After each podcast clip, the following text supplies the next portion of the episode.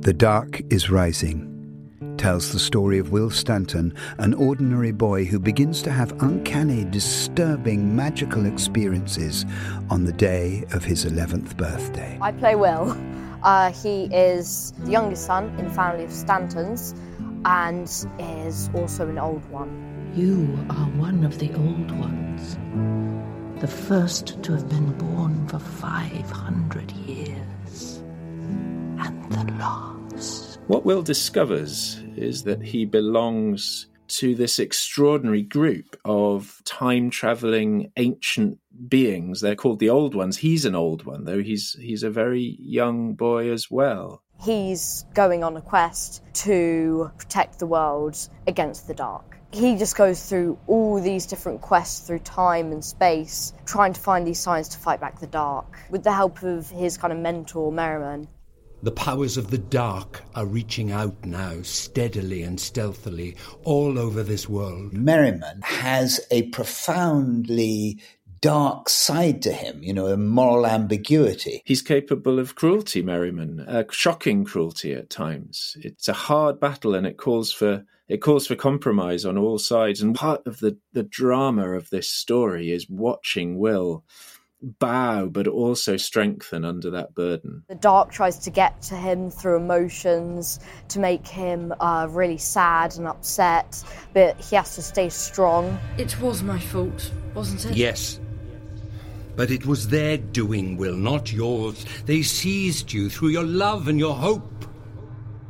This is a new podcast adaptation of Susan Cooper's renowned novel our wonderful cast, which include Harriet Walter, Toby Jones, and Paul Rhys, and introducing a new talent, 12 year old Noah Alexander. I'm Robert Macfarlane, and I'm here with my friend Simon McBurney, and together we adapted The Dark is Rising for the BBC World Service, and Simon directed the adaptation. Simon, I gave you a copy of this novel. What was it, You- you four did. years ago? Four years ago, and um, I immediately started reading it to my children, uh, you know, almost under the bedclothes as you did, because once we got into it, we couldn't stop reading it. This is one of those books that as you open it, you step into its pages. So it's very kind of mystical and magical. It has an incredible power. We wanted to turn it into into sound, didn't we? It's a really interesting mix between a beautiful poetic narrative and then extraordinary sonic events of people crunching through snow, anvils being hit, dark figures coming out of corners and Great showers of sparks were spraying out from where a man, a smith, worked on an anvil outside one of the houses. A huge black horse, midnight in colour, stood by the smith. Will had never seen such a horse. No markings anywhere. The man raised his head and looked at him. It's John Smith from Dawson's Farm. Morning, John. Hey, Will. You're out early? It's my birthday. So it is. So it is. Happy birthday, young Will. John Smith looked at Will, but there was a warning in his eyes. And a figure moved out of the shadows behind that horse. Will's breath came faster. A hollowness was in his I mean, I think it really feels that this is a book that rises up out of a sound recording, perhaps even more than strongly than making a film of it, because uh, it's a piece that you need to listen to. And in this instance, it's best listened to on headphones. It's going to give you the greatest experience because it's been recorded binaurally, which means that the sound is actually 3D. It surrounds your head. You feel as if you're in the snow with Will.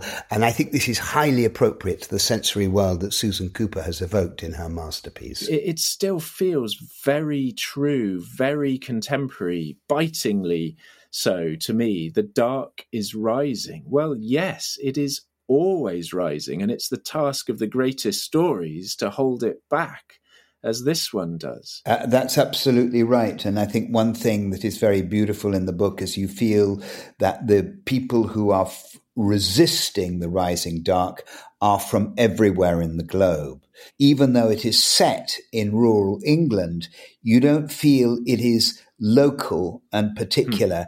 It feels on a whole different scale. And, and so the theme of this sense of constant darkness pushing in at us from everywhere, in which we feel powerless, I suppose. There's a sense of powerlessness, which I think is absolutely contemporary. And we could almost say, when the dark is rising now, who amongst us is going to hold it back? When the dark comes rising, six shall turn it back. When the dark comes rising, six shall turn it back. Three from the circle, Three from the circle, three from the track. Wood, bronze, and iron, water, fire, and stone. Five will return, one go alone. Episode 1 will premiere on December the 19th, 2022, with new episodes daily from December the 21st.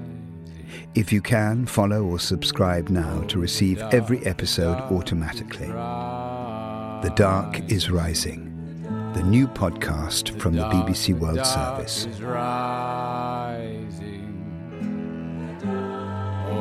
Dark, the dark is rising. Oh, the dark, the dark is rising.